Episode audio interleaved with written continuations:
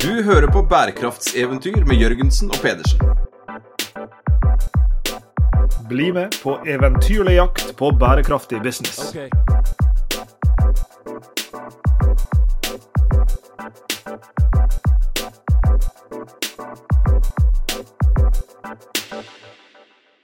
Så godt å se deg i studio, Lars Jakob. Du eh, ser ut som en halvgud i dag også, og jeg lurer litt på ja, om, vi, om, vi, burde ta og banne og klappe fra oss uh, helt på begynnelsen den gangen her, eller om vi skal vente til det 50 minutter, sånn som vi gjorde på en episode for litt siden her. Fy fasan. Beep. Eh, takk til dere da som lyttet på hele. det er jo én ting. Ja, det, var, det, det, er jo liksom. Det, det, er, det er fortsatt lyttere etter 50 minutter. De som har skrevet til oss og, og vært i tillegg så vennlige å si at jeg lurer på om det ligger noe på slutten her som kanskje ikke var ment for alles ører. Mm, dette er altså episoden, den nylige episoden om uh, kraften i forretningsmodellen som, uh, som mange av dere lytter til, og som mange av dere har, har fortalt oss om at etter 50 minutter så ble Sveinung så sint på seg sjøl og det gikk banneord i én retning, og han klappa i hendene i en annen. og det er jo meg da som skulle ha klippet dette her vekk, som um, får ta the heat denne gangen, Sveinung. Og jeg som er så liksom sånn rolig, nøktern type Det koker jo aldri over for meg, liksom. Jeg, jeg, mm. kjenner meg ikke igjen i dette her i det hele tatt. Men det er fryktelig kjedelig å ha det på tape. Det er ny vår, det må det være. og um, ny vår, nye um, bærekraftseventyr. Uh, selv om det vi skal snakke om i denne episoden, her, Sveinung, det er jo ikke egentlig et nytt eventyr. På en måte så strekker det seg tilbake til 1881. Eh, ja. På en annen måte så strekker jeg, var, Da var du jeg var, ung. Jeg var ung på den tiden der. Altså, jeg, visste ikke mitt eget beste, liksom. Jeg må innrømme det. Ja, det er mye deiligere nå når du slipper å ha på deg gamasje på jobb. Men, men uh, i alle fall så kan vi strekke det tilbake dit. Men vi kan i alle fall strekke det tilbake drøyt ja, fem-seks år, tenker jeg. Eh, fordi at dette her handler om et, eh, et, forskningsprosjekt som vi har vært involvert i, og, og en, en, forskningsartikkel også som vi skal komme innom. Men det handler jo også om det som kanskje vår tidligere gjest Erik Osmundsen, som pleide å være konsernsjef i Norsk Gjenvinning, han var vel mer eller mindre mannen bak det som i dag er Norsk Gjenvinning sitt um, hva vi skal si, motto, slagord. Det finnes ikke søppel mer, men uh, som vi vet, alle vi som er opptatt av sirkulærøkonomi og av det å komme oss til en verden hvor det kanskje ikke finnes søppel mer. Det finnes i alle fall kanskje bare ressurser på avveie. Der er jaggu en del søppel der ute likevel. Jeg har på mine aldrende dager uh, fått mer og mer omsorg for de stakkarene som, som skal håndtere avfallet vårt. Altså. Og vi som har jobba med sirkulærøkonomi en stund, uh, velta jo ofte det problemet over på avfallsbransjen. De satt der nederst og skulle plukke opp det som var igjen, og så var det på en måte deres jobb da, å, å få ressursene ut av det. Og de finnes jo fremdeles, og, og, det jobbes jo hardt for å forsøke å håndtere det. Eh, vi står jo et helt annet forskningsprosjekt om dagen eh, eh på en eh, fotballstadion nær, ikke nær deg, han har sagt, eh, nær deg, Lars Jakob, men ikke nær alle. Eh, hvor vi står da på samme måte på slutten av det samlebåndet, med alt det avfallet som hoper seg opp i løpet av en, en fotballkamp. Eh, noe av det blir sortert, eh, veldig mye blir liggende igjen eh, på tribunen. Eh, vår oppgave i det forskningsprosjektet er jo å forstå hva som skjer, men også prøve over tid å, å påvirke atferden til, eh, til, folk da, som koser seg på fotballkamp med, med popkorn og sjokolade og is og kaffe og brus. Eh, og, og den emballasjen, den enorme mengden med emballasje som ligger der på andre siden. og Det er jo det, måte, det overordna problemet her. Eh, den sirkulærøkonomiske problemet og dette enorme gapet mellom hva vi putter inn kall det i økonomien, eller inn på en fotballstadion, og det man tar eh, ut igjen på, på andre siden. Og du kan snakke deg inn i sirkulærøkonomien eh, ovenfra og ned, eller underfra og opp, bakfra og inn. Du kan snakke deg inn i sirkulærøkonomien alle mulige veier. Vi har en episode tidligere i denne serien som heter eh, 'Sirkulærøkonomien som designproblem'. Der prøver vi å takle sirkulærøkonomiproblemet nettopp fra en designvinkel, altså hvordan måtte verden ha sett ut hvis vi skulle designe den på nytt for å bli mer sirkulær, fordi at alt er jo designa for en gammeldags lineær økonomi. Eh, og det er på mange måter en, eh, jeg skal ikke si mer moderne måte å tenke på sirkulær økonomi på, men i alle fall når en begynte å snakke om sirkulær økonomi, og ikke minst eh, når liksom, en begynte skulle ha reguleringer for det, og sånt, så starta en jo alltid fra den andre enden. En starta med disse stakkarene som du sier, som står på slutten og tar imot alt avfallet, alt bosset her i Bergen, som, eh, som vi eh, som, som, som, vi har eid en gang, og så har vi kasta det fra oss. Eh, og sirkulærøkonomien begynte jo kanskje da på en måte der. At liksom se disse haugene av avfall som ligger her usortert. Restavfall, farlig avfall, you name it.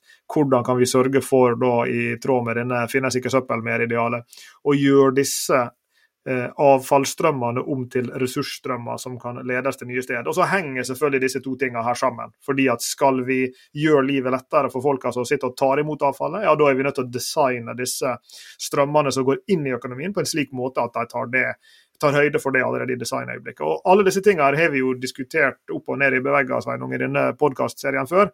Eh, men i dag skal vi altså på en måte tilbake igjen til kanskje litt der som sirkulærøkonomien starta, eh, i på, på avfallsmarkene, skulle jeg snart sagt, på deponier inni avfallsbilene, der eh, det ligger kilo på kilo og tonn på tonn med avfall som en eller annen skal håndtere. Og som sagt, eh, den stadionopplevelsen, å sitte der med 16 000-17 000 mennesker som har vært der i, i to, to, kjappe timer, som har vært i kiosken og, og handla, eh, og som har tatt med seg, eller ikke tatt med seg, emballasjen sin, og sortert den eller ikke sortert den. Eh, og oss da, som sitter der etterpå med, med poser heller ut uh, avfall, tar på oss lange hansker sammen med, med, studentene våre, og så sitter vi og, og, og plukker og ser på sorteringsgraden. Da. Ja, det er sexy, sexy arbeid.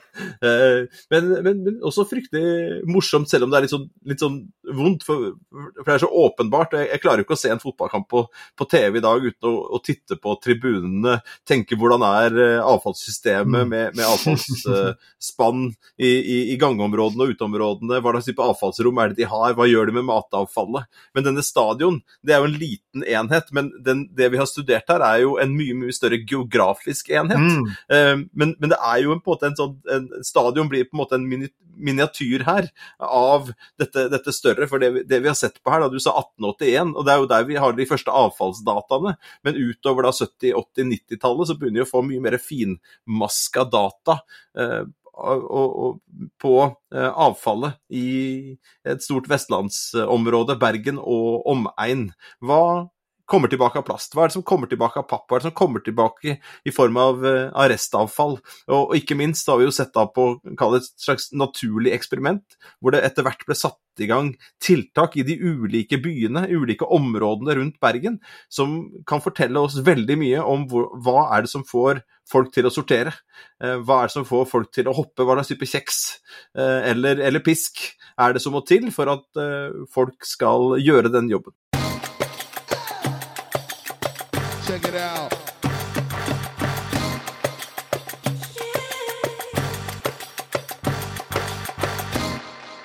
Så la oss uh, gå litt tilbake til begynnelsen uh, for denne historien. Der er jo, det er mange som lurer på hva vi driver med. For, for, så vidt både i konkret forstand og i mer sånn åndelig forstand. Men, men, noe av det vi driver med, er jo forskningsprosjekter den typen du beskriver her. og, og noe av de mer sånn gledesmetta dagene i en forskers liv, det er ganske nerdete, altså, men det er når du får en e-post der det står 'Dear uh, sånn og sånn, uh, we are pleased to inform you that your paper og en eller annen papertittel 'Has been accepted for publication in the journal of et eller annet'. Disse dagene der vi får beskjed om at ja, en av våre forskningsartikler har blitt uh, antatt for publisering i et internasjonalt tidsskrift. og dette høres jo litt, uh, nerdete ut, og det, det, er det jo. Men, men, det er jo slik kunnskap blir til. Ja? Og det er årelange prosesser som gjerne starter med at en får en idé. Uh, en finner en måte å studere den ideen på ute i felten. og Vi liker jo, uh, vi har jo en dragning mot de store, skitne, vanskelige, praktisk, ofte sirkulære problemer. Og, og, det var jo slik dette her også begynte. Og, og du har jo allerede droppa en del hint til hvor i verden vi befinner oss hen, og hva, hva vi Eh, hva vi har studert her. Dette er jo et forskningsprosjekt sammen med våre gode venner i eh, Bergen interkommunale renovasjonsselskap, BIR, som da tar seg av avfallshåndtering, eh, eller ressurshåndtering, i Bergen og omlandskommunene rundt Bergen. Eh, som, som, da eier dette selskapet sammen. Og Hvis vi liksom spoler fram til nåtiden, da, så er det vel bare knapp måned siden vi fikk akseptert denne studien som har tittelen 'Resource Accounting for a Circular Economy Evidence from a Digitalized Waste Management System' lang og tung. Det er en artikkel som vi har skrevet sammen med Siv Skar, en kollega som mange erfarne lyttere av denne serien kjenner fra tidligere episoder. Og Der har vi som du sier, studert både framveksten av et mer moderne, kall det altså et avfallssystem, ja. Eh, en mer sirkulær tilnærming til, til både liksom selve avfallshåndteringa som sådan, men også til datafangsten rundt det. Og Dette har vi også snakka om i tidligere episoder, bl.a. med Mari Larsen Sæter fra, fra Carrot. Det er jo en utfordring for denne bransjen. Skal du få til sirkulærøkonomi, ja, da er du også nødt til å fange mye mer finkorna data om alt dette her som går inn i avfallssystemet, og forhåpentligvis ut igjen i en eller annen ren form. Og Det er jo derfor da jeg gjentar denne titelen, hovedtittelen 'Resource Accounting for a Circular Economy'. Altså med andre ord et slags form for sirkulært regnskap. Og dette, Denne artikkelen ble jo da også publisert i et internasjonalt tidsskrift som heter Accounting Forum. Eh, i et spesialnummer om hvordan vil regnskap komme til å se ut i en sirkulær økonomi, eller hva er det vi trenger av regnskap, hva er det vi trenger av bærekraftsrapportering og, og regnskap mer generelt, i en verden hvor vi skal gå fra en lineær til en sirkulær økonomi. Og Dette høres jo så sexy ut, Sveinung, at vi omtrent ramler av stolen her. Ja, du. Avfall eh, i seg selv, regnskap, data. eh, eh, for meg, da. Jeg, jeg er jo en, eh, en, en person som, som, trenger det litt sånn fysisk, sagt, for å, for å kjenne på ting. Og det å, å sitte der på huk etter kamp uh, og sitte og sortere, helle ut uh, brus, åpne bruskopper, ta av plastlokket, se at folk har vært uh, for så vidt flinke, men de har putta artikler med plast oppi der. Det kan være sjokoladepapir og andre ting.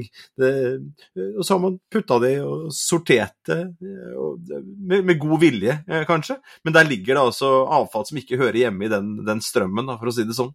Eh, den kunnskapen om hva i all verden er det som skal hvor, og, og, og hvorfor. Jeg hadde en lang passiar her eh, hvor jeg bor, med den lokale avfallsselskapet, renovasjonsselskapet, hvor jeg i, med god i god tro hadde lagt noe plast eh, i, i husholdningsplasten og skulle få, få, det levert. Eh, og da jeg kom, så sto hele den der plastposen som jeg tenkte jeg skulle levere, den sto da oppi sånn demonstrativt satt oppe i restavfallet. Og da tenkte jeg ja, det er vel galt. Så kjører jeg opp på, opp på, på stasjonen og, og, skal putte dette her der jeg tenker det hører hjemme, og så kommer det en, en kar bort til meg og tapper meg på skulderen og sier ja, den, den skal du ikke dit. Og så sier jeg jo, men hjemme hos meg nå, så.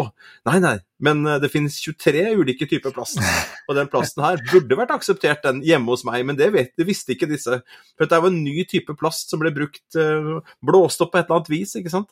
Eh, som viste seg skulle Ikke sant. Altså det, det, praktiske, konkrete, håndfast der, og det ligger noe veldig håndfast bak disse, disse, tunge tallene, bak dette avfallshåndteringssystemet, så ligger det folk som, som, deg og meg og dere som uh, lytter på, som står der på, på, kjøkkenet, eller i verste fall står på, på, badet, for der er det jo ingen som sorterer.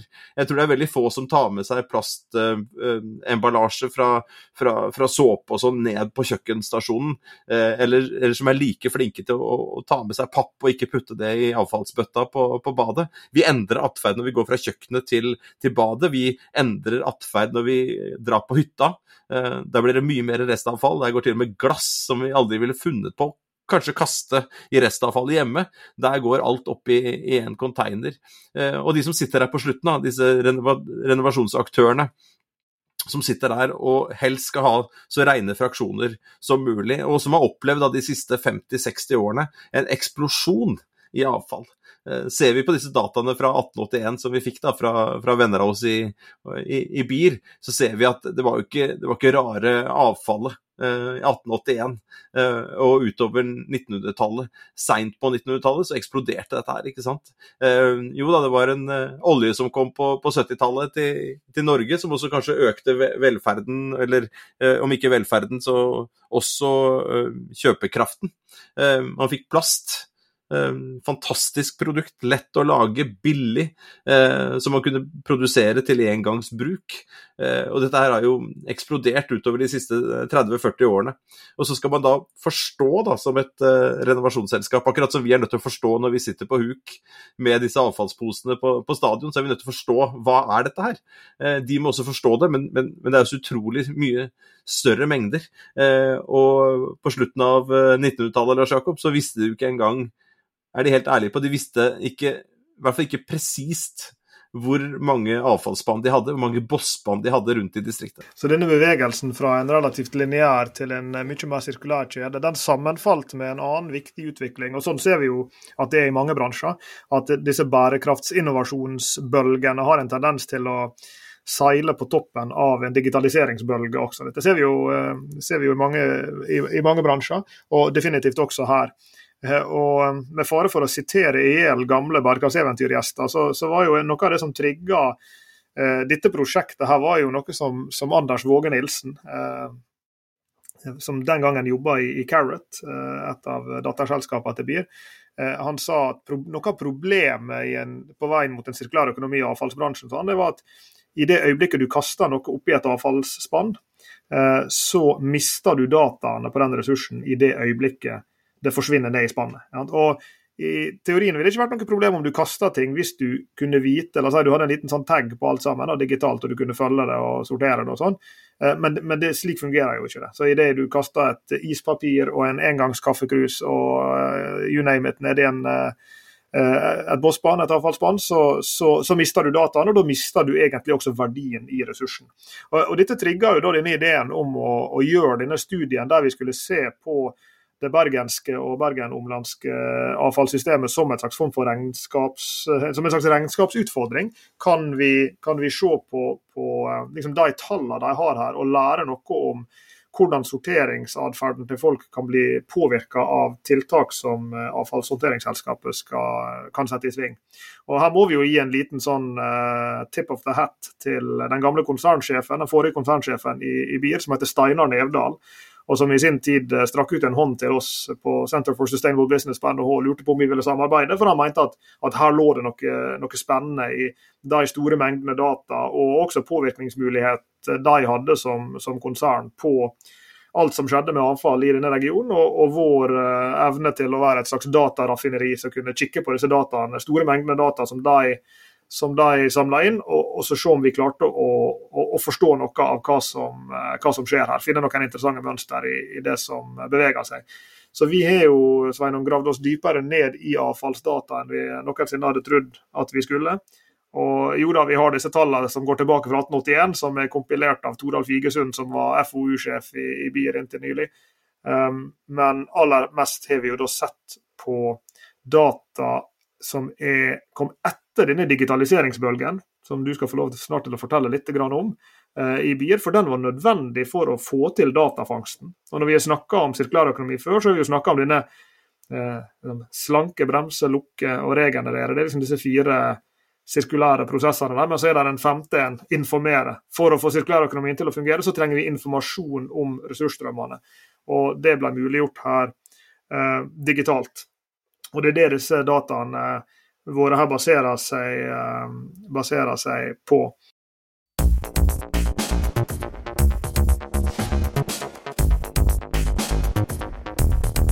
Jeg husker da Anders uh, Våge Nilsen introduserte Carrot til oss, som da het uh, Boss ID. Boss ID. Boss ID. Boss ID, Boss som bergensk avfall het Waste IQ en, en, periode, før det ble Carrot. Men han fortalte nettopp det du sa der om å informere, det å ha data. I det øyeblikket man uh, tar en, en papirkopp uh, på stadion med, med plast i seg, en plast i midten, og hiver det et eller annet sted, så mister man informasjon om hva det er for noe. På samme måte om det er på en øy utafor Bergen eller i Bergen sentrum. I det øyeblikket noe går fra hånden og ut av syne og ned i en eh, avfalls... Eh, et, et, et, et bosspann, ja, så mister man også data og informasjon om hva det er, og da mister vi også verdien eh, i, i, i, dette her. Og i en sirkulær økonomi så ønsker vi å opprettholde så høy verdi så lenge som, som, mulig. og Det er der informasjon er så viktig. Man trenger informasjon, man trenger et regnskap som kan vise hvilke ressurser er hvor, til hvilken tid. Um, hvor mye er det vi har, uh, hva slags type kvalitet er det det har. Og Sånn at man også kan lage her en, en markedsplass hvor den ene aktøren kan ta ressurser på avveie og ta det inn igjen i en ressursstrøm. Hvis man skal resirkulere noe fra papp, eh, gjenbruke komponenter fra, fra et bygg. Eh, uansett hva, hva, det måtte være, så trenger man altså informasjon, data, om hva dette her er, eh, hva slags type kvalitet osv. Og, og dette eh, skal vi eh, for en gangs skyld drive litt reklame for uh, forskningsartikler. For de som har lyst, så kan dere google opp denne her Resource Accounting for Circular Economy-studien. For den, den, er open access, den er gitt ut med åpen tilgang, så alle kan klikke seg rett inn på den. Eh, og Den er full av en del illustrasjoner. og jeg tenker at Det kan være litt greit her, Sveinung, å dra litt grann sånn bakteppe for hva som har skjedd. Fordi at Dette her er jo en historie om bevegelse i retning av et sirkulært samfunn. Hva er det som må til for at verden skal bli mer sirkulær? Ja, Vi snakka om det i stad. De som produserer is og pølse og cola til kioskene på fotballstadionene, de må tenke redesign av produkter og emballasjeformene sine. Eh, vi må ha nye forretningsmodeller, vi må ha nye måter å håndtere avfall på. Alle disse tingene her som skal på plass. Eh, og en av dem er da et mer sirkulært avfallssystem. Og, og, og, I denne studien så har vi en liten tidslinje som jeg tror er litt viktig sånn for, for bakteppet her. fordi Disse kommunene da, som det er snakk om, som vi, som vi har studert her. Bergen i, i, sentrum, og så de omlandskommunene som ja, nå kunne vi tatt en liten, Har du lyst på en liten geografiquiz, Sveinung? Hvor mange du klarer? Slippe. Osterøy. Ja. Askøy. Austevoll, ja. håper jeg. Nei, da er du, er da er du utenfor området. Men godt jobba. Jeg tok en, tok en sjanse der, altså. Du har vært, til ditt forsvar, så du har vært men, mye på Austevoll i det siste, så du skulle bare Ja, jeg har det. Jeg, har det. Jeg, tok, jeg tok en sånn uh, sjanse, men det er en, båt, uh, en litt for lang båttur over der. Du må tenke deg mer innover i landet. Innlandet, innover i landet mot Hardangerfjorden, så er det jo flere, flere områder uh, som, som, hører under uh, Bislett sitt Rain, er ikke det det, det på utenlandsk? Riktig. Og Da tenker du sikkert sørfra på, på Bjørnafjorden, gamle Os kommune. Eh, over grensene til Kvam og, og, enda litt lenger opp i Samnanger og, og Vaksdal. Um, Osterøy nevnte du, var det sånn? Og Askøy nevnte ja, du. Og så var det vel Øygarden, da, gamle Sotra, som, eh, som, ikke kom med. Så det er jo bare for å gi folk en fil. Det er der jeg bomma på, på Austevoll. Ja, jeg skal gi deg et halvt poeng for den. Men i alle fall, dette, dette, er jo den geografiske regionen, og, og dette er jo en, en relativt uh, altså, Alt er relativt, men det er en relativt stor region. Eh, og det, det, er jo da veldig mangfoldig i den forstand at du har Bergen, en by med, med ja, nå, nå, om dagen vel en 300 000 innbyggere. Og så har du mange kommuner rundt her da, som er fra, fra middelstore til, til ganske små. Eh, og på ei tidslinje da, som dere kan kikke på i denne studien, her, så, så begynner jo det å skje et eller annet. Du dro, du dro oss i stad fra 1881 til eh, oljealderen omtrent. Eh, men så rundt tusenårsskiftet så, så begynte det å skje en liten sånn digital oppvåkning i avfallsbransjen, og også her i Bergen. Og, og BIR satt da i gang en digitalisering. Og, og som du nevnte, så visste de jo knapt nok hvor mange avfallsspann de hadde rundt omkring stående. ikke sant? Og, og de begynte å tagge dem med sånne RFID-brikker, var det vel, tror jeg. Eh, og begynte jo da plutselig å få kontroll over infrastrukturen sin. Og så er jo det rart med det, I det øyeblikket du har kontakt med din infrastrukturen, ja da kan jo du også begynne å måle og veie og følge med. Um, og De fant jo bl.a. ut at, at, det var ganske mye her de ikke var obs på. Eh, og I dette øyeblikket kunne de jo da også eh, begynne å tagge og veie hvor er det de ulike avfallsmengdene kommer fra. Og I det øyeblikket, da, etter sånn ca. 2004, eh, så, så, begynte jo Eh, liksom utrullinga av et mye mer finkorna datafangstsystem eh, å materialisere seg. Eh, og på denne tida her, så I alle historier så ja, Noen påstår at det alltid bør være en protagonist og en antagonist. Mitt, mitt take på, på, det er at i alle historier bør det være en forretningsmodell. Eh, og Det er selvfølgelig også tilfellet her. Og På den tida her så våkna jo da ideen om at kanskje disse dataene som denne digitale tagginga av avfallsspanna muliggjorde, kunne lede til en ny forretningsmodell som du kan, hvis du vil, Sveinung, stave ved sitt akronym PAYT, PATE, men det er en forkortelse for Pay as you throw. Pay as you throw. Uh, og det er noe nytt, ikke sant. Apropos hva slags type kjeks. Hopp, så skal du eller hopp, så skal du få en kjeks, eller eventuelt eh, pisken, da. Apropos carrot her, navnet, gulrot, ikke sant. Hva slags type gulrøtter kan eh, et, et avfallsselskap gi? Eh, sånn at det ikke blir avfall mer. Man ønsker jo ikke restavfall, man ønsker jo å sortere ut så mye som mulig, så det knapt er restavfall eh, igjen. Eh, og pay as you throw er jo ikke helt gulrot, det er jo litt pisk involvert. Man betaler altså mens man kaster. Sånn kunne det vært på, på stadion også. Det du tok med deg fra, fra kiosken, du kunne hatt et, et, system hvor du, hvis du ikke tok det med tilbake igjen, så måtte du betale. Jeg vil, jeg vil ha det liksom, bokført at jeg har spist opp hvert siste popkornfrø, nær sagt, eh, på alle mine besøk på Brann stadion. Det er aldri matsvinn fra mine popkornbeger. Nei, du er så vandrende labrador. Det er, det, du, jeg har jo ofte sett deg spise opp popkornet til de andre også, bare, og det tror jeg ikke er av miljøhensyn. Tror det Nei, kun de som er på min seterad. Jeg driver aldri sånn foran og bak. PSU as throw som system, da. Det er jo en måte, da Et, et, et, et lite straffesystem, da. Men et, eh, kan du snu snu på det til et, insentivsystem til å sortere, så kan du unngå denne straffen. Fordi du kan sortere det i papp, du kan sortere det i plast. Eh, etter hvert også kan sortere det i mat. Ideelt sett i fremtiden så, så vil vi få så mye kunnskap i, på husholdningsnivå at vi kan sortere ulike former for plast, sånn at vi virkelig får tak i denne høyverdige plasten.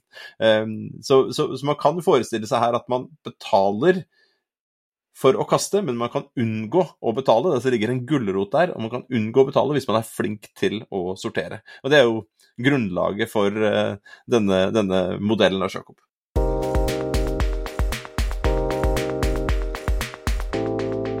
dette, dette hang jo da sammen med altså Det var en ny prisingsstruktur, egentlig, hvis du tenker på det sånn. Og dette er jo gjemt vekk i, i den der Eh, kommunale avgifter-fakturaen som du vel eh, sjelden eller aldri ser på baksida av, hvis du noensinne får den fysisk. Du får den vel digitalt om dagen. Men der står jo det spesifisert hva som er vann og avløp og avfallshåndtering og alt det der. Så det er jo der alt dette gjemmer seg. Eh, men, men de hadde jo da likevel en, en, forestilling om at hvis du skulle begynne å, å straffe da, de som ikke sorterer, som med andre ord de kaster mer i restavfallet sitt, det betyr også at det blir flere hentinger hjemme hos deg per år. For hvis vi snakker om privatmarkedet her, så er det da bakt inn i betalingsmodellen at du har et gitt antall hentedager i året som du har inkludert i prisen. Men hvis du ikke sette ut spannet ditt hver uke fordi at du er så flink å sortere at det ikke fyller seg opp hver uke, så betaler du da mindre. ikke sant? Mens hvis du setter det ut hver uke, og, og de kommer og henter det hver uke, så betaler du mer. Og hvis du sorterer dårligere, så betaler du mer. Så, så da ligger jo det liksom en, en, en sånn straff, implisitt straff her da, av det å ikke være flink til å sortere ut. For det er klart at papp og, og plast og disse typene fraksjoner, de, de betaler du ikke for. Uh, så, så liksom hypotesen til avfallshåndteringsselskapet var jo da at ved å implementere en sånn type pay as you throw-modell, så kan vi insentivere folk på en soft måte til å sortere bedre. Og så har jeg lyst til å skyte inn i en sånn liten, uh, ikke digresjonsform, men som en liten fotnote at det er jo gode grunner til å tenke at en pay as you throw-modell er enda mer, og kanskje til og med mye mer um, effektiv for et business kundesegment enn for et husholdningskundesegment. Og Det er jo selvfølgelig både fordi at uh, den, det jevne kjøpesenter, den jevne butikk, den jevne restaurant kaster veldig mye mer. Uh, så, så um, det blir dyrere for deg. altså De økonomiske insentivene i å sortere er, er, enda større. og Jeg tror også det er litt annen prisstruktur der som, som gjør at det er enda mer kostbart for en bedrift relativt sett å ikke sortere enn en det for en husholdning. Så det er klart at jeg, tror nok det er grunn til å tro, og dette har ikke jeg fra, fra BIA, dette er bare min egen spekulering, men det er vel grunn til å tro at denne pay as you throw-modellen kanskje er enda mer kalibrert for å insentivere bedrifter til å bli flinkere å sortere enn husholdninger. Men her var altså en forestilling her om at ja, til og med Sveinung og Jakob kan bli, bli, flinkere av en sånn type modell. Men innfør noen insentiver, da.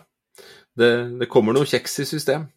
Det, det, det, er, jo, det er, jo, noe nytt. Og hvordan er det, og det er jo det vi er interessert i i forskningen her og forskningen vår generelt også. Hva er det som får folk til å handle eller ikke handle? Og i tilfeller da hvor du skal gå fra en fotballkamp og det regner, og noen, noen, ganger så hender det jo at Brann også taper fotballkamper. Har ikke gjort det på, på ganske lenge på, på hjemmebane. Det regner kanskje, og det tror jeg skjer oftere enn en, en at Brann taper for, for tiden. Og så skal du også gå ut sammen med tusenvis av andre i trange korridorer, og så skal du være flink pike, flink, eh, flink gutt. Eh, og ikke bare i det hele tatt ta det med seg, du skal altså da finne den riktige beholderen, og du skal vurdere hva er det du har i hånda, og du skal da sortere dette her. Eh, og der er det jo ingen insentiver annet enn det å, å, å føle seg litt litt vel, eller bli kvitt det du har i, i hendene. Men her er jo tanken liksom, å gi noen insentiver, eller disinsentiver, da. Eh, som, som, å få folk til å oppføre seg. Eh, som om de står på kjøkkenet. Altså, sånn der, eh, for noen år siden så, så, sorterte vi heller ikke på kjøkkenet. Men nå har jo de fleste av oss fått en eller annen form for system under kjøkkenbenken eh, med noen ulike beholdere, og det er også ulike beholdere utenfor husene våre. Og vi kan følge opp det ganske godt. Vi vet jo fra andre studier og, og, og egen erfaring at, at ja, én ting er badet. Vi sliter med å få folk til å sortere på badet. Eh, men bor folk i en eller annen form for kollektiv, eller bor i, i blokk eh, og sånne ting, ja, så, så, føles det mer distanse mellom de avfalls... Eh, Eh, spannene utafor huset eh, og, og, deg selv.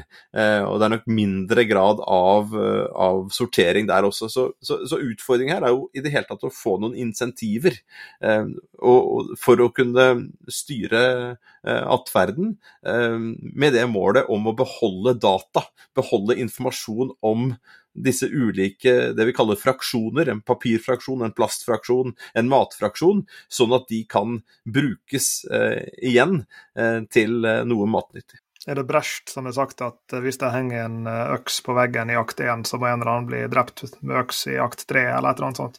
Eh, og jeg nevnte jo, eller jeg utfordra deg på å navngi omlandskommunene i Bier sitt nedslagsfelt her i stad, og det var jo en grunn til, så her kommer øksedrapet, da. Eh, for dette her skulle jo rulles ut, da, denne pay as you throw-modellen, eh, i disse eh, ganske ulikarta kommunene. og Det henger sammen med det du nettopp var inne på der, at det er litt annerledes å sortere i et borettslag i en åtte etasjers høy blokk i en bydel i Bergen, kontra en, et byggefelt med eneboliger i Samnanger kommune. Altså det, det ser, det, infrastrukturen er ulik ting ser eh, annerledes ut.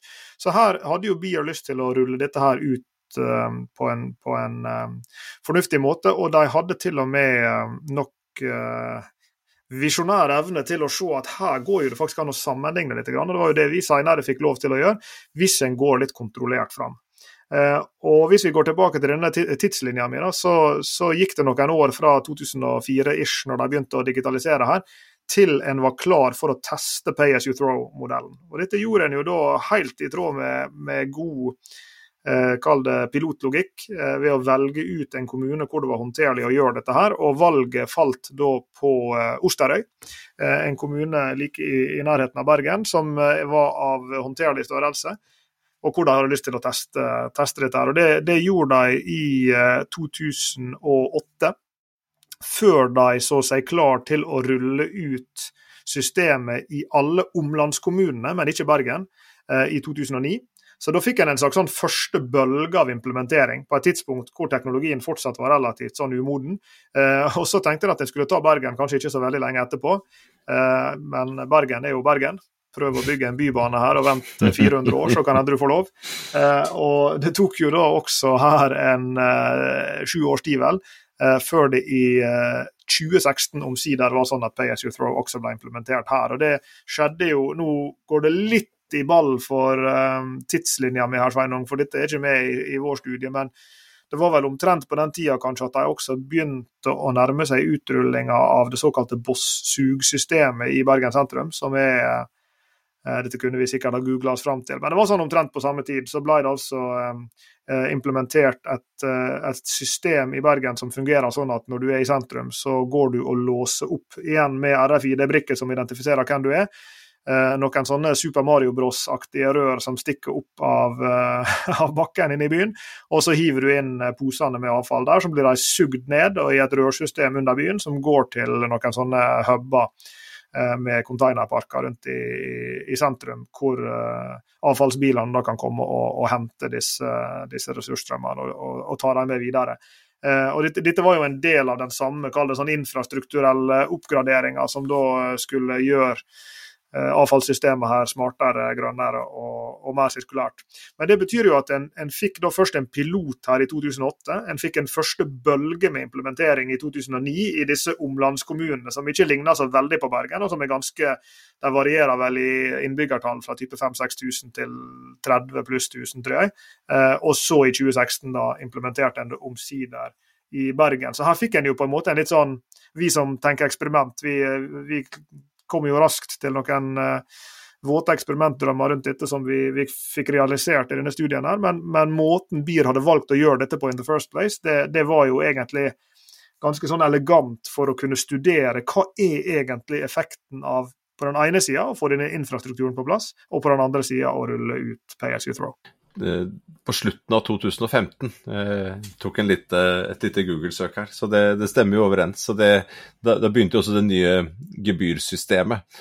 Men ikke bare da i dette støvsuger-boss-sug-systemet, men også da i, hos i, Der hvor det er vanlige avfallsspann. Uh, og Hvis jeg husker riktig, Lars Jakob, så er det jo en 190 000 sånne sensorer som over tid har blitt uh, plassert ut. Uh, og disse sensorene kan brukes på ulike måter, og, det kommuniserer med de som sitter på, på, bilene. Bilene kan kommunisere da til et informasjonssystem sentralt, i BIR i dette, i dette tilfellet. Og dette her, denne dataen går videre til regnskapssystemer, går på logistikksystemer. Man, man, får da oversikt over hvor mye av hva slags type ressurser som, som fins, um, ehm, samtidig som ideen er her da å, å dytte folk i uh, riktig retning. Dytte uh, folk til å, å, sortere mer ved at de får et, en, lite, en liten straff. Uh, hvis, hvis, de, hvis, de, ikke sorterer, og sånn sett også blir belønnet for den type atferd.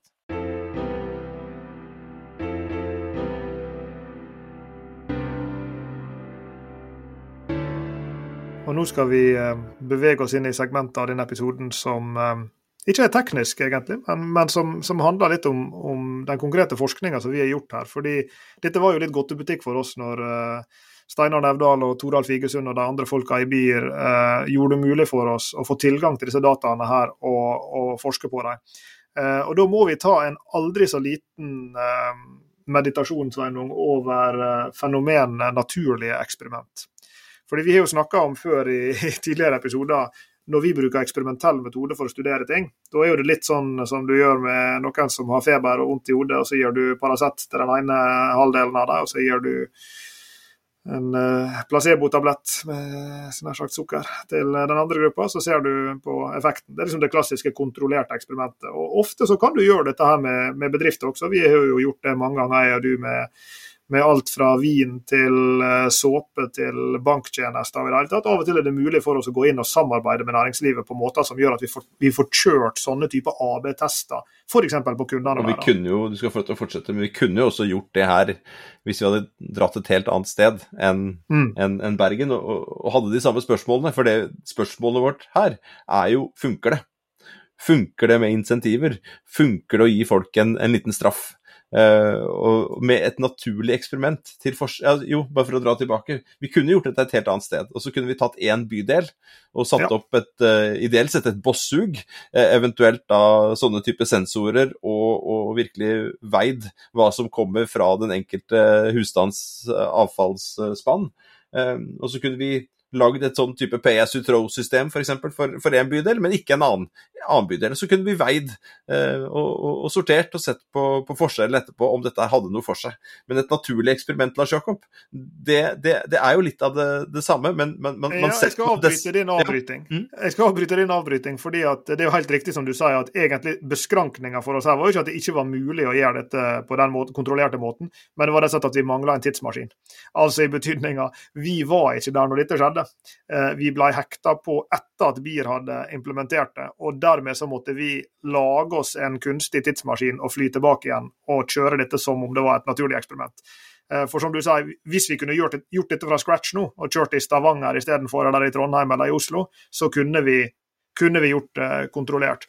Men når vi fikk tilgang til disse dataene, da, så benytta vi oss akkurat som du sa, av denne eh, tilnærminga som en kaller for et naturlig eksperiment. Og, og, det blir som regel brukt om situasjoner hvor du ikke kan kontrollere eh, liksom behandlinga av, eh, av, eh, av, folk. altså klassisk, eller Typisk eksempel er jo sånn to byer som ligger på hver sin side av ei eh, landegrense, og så blir den ene byen får en skattereform fordi den ligger på ene sida av grensa, og den andre blir ikke det. og Så er de sammenlignbare på alle andre måter. Da kan vi se effekten av skattereformen og sammenligne de to byene. Det er vel andre sånne eksempel på når én landsby på landsbygda i et afrikansk land blir rammet av flom, og nabolandsbyen som er lik på de fleste andre parametere ikke blir det, så kan du se effekten av den flommen over tid på et eller annet utfall du er interessert i. For ikke å snakke om eneggede tvillinger.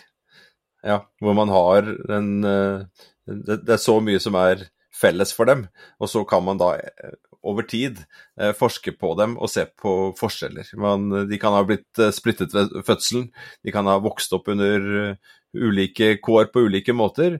Ehm, og da kan man se på miljømessige faktorer, kulturelle faktorer, og se hvordan er det dette har påvirket uh, mennesket. Og der har du et, et, et, uh, naturlig eksperiment, uh, kanskje i sin reneste form.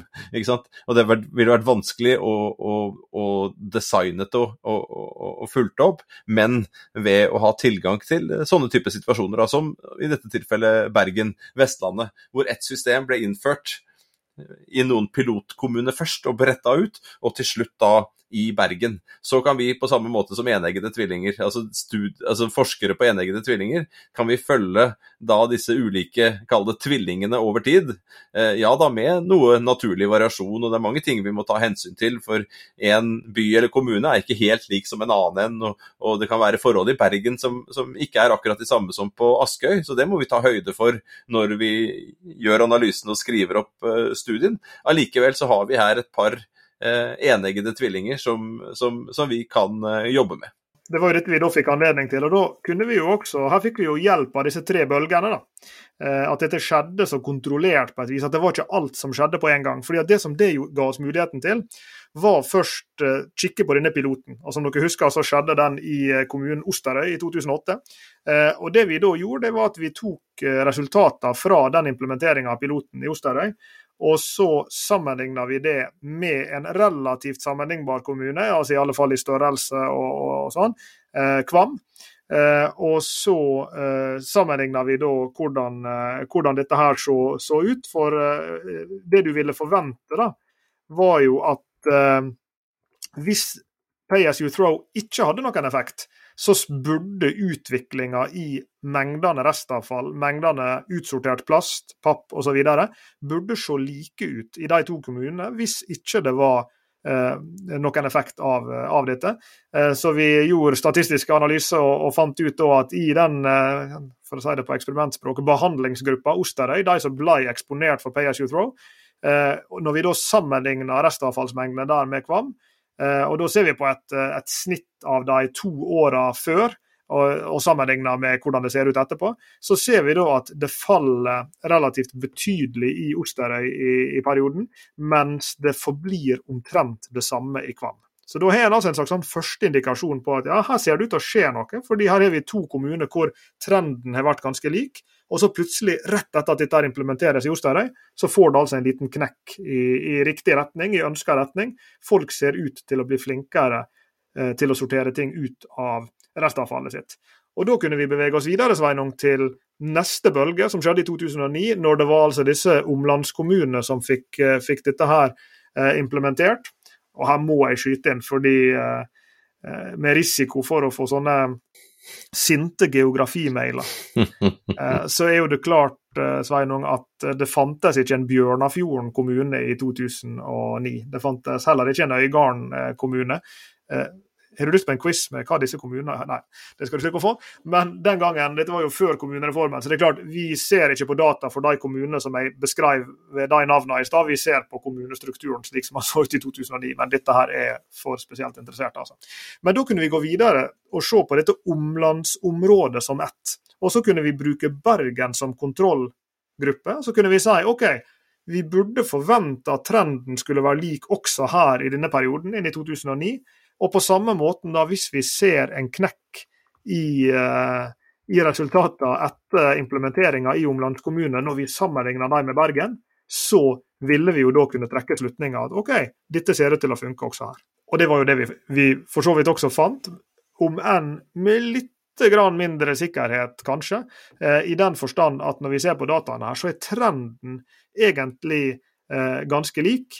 Eh, men eh, men han faller mer i disse gruppene som får introdusert Pay as you throw, altså i disse kommunene rundt Bergen, enn han gjør i Bergen. Så her må vi jo tenke Sveinung, at i perioden her da, så blei vel antageligvis, hvis du husker tilbake en, en, sånn nesten 15 år, så begynte jo liksom presset på å sortere bedre og bli kraftigere. Så her er jo det noen sånn bakenforliggende faktorer som ligger liksom og dytter oss i en bestemt retning, men så ser vi at likevel så Eh, har Pay as you throw tilsynelatende en litt sånn ekstra dytt i ryggen på, på de som er i disse kommunene som, eh, som, fikk det implementert. Så du sier at disse to eh, tvillingene våre som vi var interessert i å studere over tid, så ok, den, den ene gikk på en aggressiv slankekur og, og, gikk ned i vekt, men det skjedde samtidig som det gikk en helsebølge over landet. Så den andre tvillingen også, som ikke var med, ikke var med Eh, begynte å spise litt eh, sunnere. Så i den perioden vi studerer her, så, så kunne du jo knapt se på barne-TV uten at det handla om unger som løp rundt og sorterte avfall på, på, på riktige steder. Eh, som sikkert også terroriserte foreldrene sine på, på, hjemmebane. Så det var jo en bølge her, en, en, en helsebølge, en, eh, en, en avfallssorteringsbølge som, som pågikk. Men, men, det vi finner, det er jo at allikevel så var tvillingen på slanking. ikke sant? Eller den kommunen, eh, eller det området som ble utsatt for dette throw-systemet, der var folk flinkere til å sortere enn de var ellers. Eh, så Sånn sett så konkluderer jo vi med at det nytter å gi folk gebyrer for å ikke sortere, ikke sant? Det gjør vi. Og, og bare for å fullføre for kompletisten i meg sin del, da, eh, så kan vi jo spole raskt fram til 2016, eh, når dette ble introdusert i Bergen. Og da ser vi jo jaggu akkurat det samme igjen. At jo, trenden fortsatte å gå nedover for, eh, for restavfall, men like så fullt, når da Pay as you throw allerede har blitt introdusert i omlandskommune, så ser vi at likevel så er da fallet større for Bergen i den perioden hvor det implementeres i Bergen. Så også i den perioden altså, så skjer det noe her. Og Så ser vi jo da også når vi bryter det ned på andre fraksjoner, papp og papir, glass og metall og plast og sånn, at jo da, her er det massevis av ting som nå ender opp i økende grad i kall det de rette konteinerne i perioden, slik at uh, folk tilsynelatende altså har blitt rett og slett flinkere Sikkert dels som en konsekvens av Pay as you throw, dels som en konsekvens, som du sa, av andre ting som skjer i samfunnet samtidig. Bevisstheten rundt et informasjonskampanje, strengere folk på avfallsstasjonene, sånn som du beskriver, som forteller oss at nå, du må ikke kaste den der, du må kaste den der, eh, osv. osv. Eh, men avgiftene ser ut til å ha en eh, effekt her. Systemet som sådan ser ut til å ha en effekt. Eh, kanskje, kanskje, kanskje, Sveinung, eh, beveger vi oss mot en mer sirkulær verden der det til slutt kanskje ikke finnes søppel mer. Og da vi, og du først, da, begynte å jobbe på Institutt for regnskap, revisjon og rettsvitenskap, også kalt RRR, eh, RRR, eller RRR, som jeg liker å kalle det. Eh, tenk at det er regnskapsfolka Lars Jakob, som, som, kanskje skal stå i midten, eh, i kjernen av en sirkulær økonomi. Hadde du trodd det? Kollegaene våre her på huset, eller her på korridoren, likte det godt når det i en tidligere versjon av denne artikkelen da det ble vaska ut før han til slutt ble publisert, men det er stilt et retorisk spørsmål i introduksjonen her, hvor vi skrev «Perhaps in the circular economy, the accountant is the real hero». Og um, da fant de fram kappene sine her på korridoren, men uh, det ble altså vaska vekk til slutt. Men kanskje er det sånn. Kanskje er det nettopp disse Det er jo en grunn til, hvis vi tenker parallellen til bærekraftsrapportering, da, som, som selvsagt i seg sjøl er um, sin egen uh, sin egen pakke med greier. Så, har jo regnskapsfeltet begynt å få en ganske prominent posisjon i bærekraftssamtalen og i sirkulærsamtalen. Det skal vi være veldig glad for. Eh, tenk bare på noe så vanskelig, men enkelt som eh, avskriving. Vi er vant til å avskrive, kjøper en, en bedrift eller en, en, kommune en bil, så går det jo en gitt tid, så, så er den avskrevet, nedskrevet over tid, så verdien blir lavere og lavere og lavere. Så det ligger jo i den gamle økonomiens lineære natur at, uh, at disse uh, ressursene våre uh, skal gå mot verdien null. Men i en sirkulær økonomi så er vi nødt til å holde verdien oppe så lenge som mulig, og bruke ting så lenge som mulig. Og også sette reparasjon og gjenbruk, deling av, av ressurser i system. Og her også da lage regnskapssystemer for å forstå disse ulike ressursstrømmene, sånn at vi unngår å lage restavfall. Og Der er vi helt avhengig av data, vi er avhengig av informasjon, og vi er avhengig av at dette settes system ved hjelp av regnskap. Og Sånn sett så er det jo bra, da, Accounting eh, Forum, som, som, da har eh, en spesialnummer på nettopp da eh, regnskap for en, en sirkulær økonomi, og vi vet det skjer mye. Regnskap Norge f.eks. og andre miljøer som ser da på å prøve å forstå hva er det som skal ligge til grunn her? Eh, hva slags type systemer må på plass for å dekke det enorme gapet? Dette sirkulære gapet mellom alle de ressursene vi setter i, i produksjon. Alt det vi lager av veier og hus og klær og mat og transportmidler og alt det som vi dytter inn i, i samfunnet på denne jordkloden hvert år, og hvor ekstremt lite som, som, går tilbake. Skal vi tette det gapet, tette dette sirkulære gapet, så trengs det ja informasjon, det trengs uh, systemer, uh, og vi treng, trenger initiativer, sånn som vi har sett da, med, med Beer og Carrot på, på, Vestlandet. Vi trenger det at, uh, at selskaper lager disse systemene, måler, veier, teller og finner insentiver som gjør at du og jeg og alle andre Eh, i større grad eh, eh, sorterer avfallet vårt og sørger for at disse ressursene ikke kommer på avveie, men at de kan komme tilbake igjen i, i, i kretsløpet på ulike måter.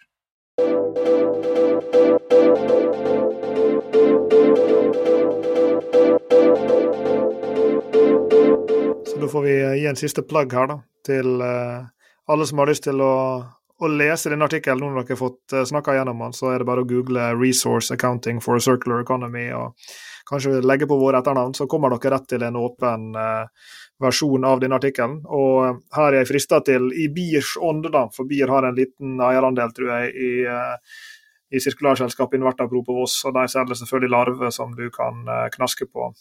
Og på baksida av disse larveposene så står det nytast best med ei kald øl. Og slik tror jeg det er med den artikkelen også. Så vi får bare oppfordre til det og anse det som uh, helserådgivning. Absolutt. I hvert fall livskvalitetsrådgivning. Sitte og skumma gjennom artikkelen mens vi har prata med nå. Ja. Eh, og du begynte jo med denne nerdete feiringen Lars Jakob, av å få akseptert en sånn artikkel. Det står jo øverst oppe i artikkelen så står det at den eh, kom til eh, tidsskriftet i 20, 2021 og ble akseptert i, i, 2023, altså to år. Og vi sendte jo ikke inn noe søppel, han har sagt, i 2021. Vi syntes jo det var en strålende artikkel som vi tenkte vi var ferdig med, og som vi har brukt god tid på. Og jammen så setter de oss i arbeid på runde etter runde, og til slutt så ligger den der ute. Eh, sånn at... Er det rart vi blir eldre? ja. Vi holder oss veldig, holder oss veldig godt eh, til tross. Hvis jeg skal få sagt det sjøl. La det få være siste ord. Takk for praten. Hei. Du har hørt på bærekraftseventyr med Jørgensen og Pedersen. Send e-post til eventyr.krøllalfa.jorgensenpedersen.no for å stille spørsmål eller komme med forslag til tema for fremtidige episoder. Og besøk jorgensenpedersen.no for mer informasjon om denne podkastserien. Okay. Derfra kan du også fortsette samtalen med oss i sosiale medier på Twitter, Facebook, LinkedIn, YouTube og andre steder.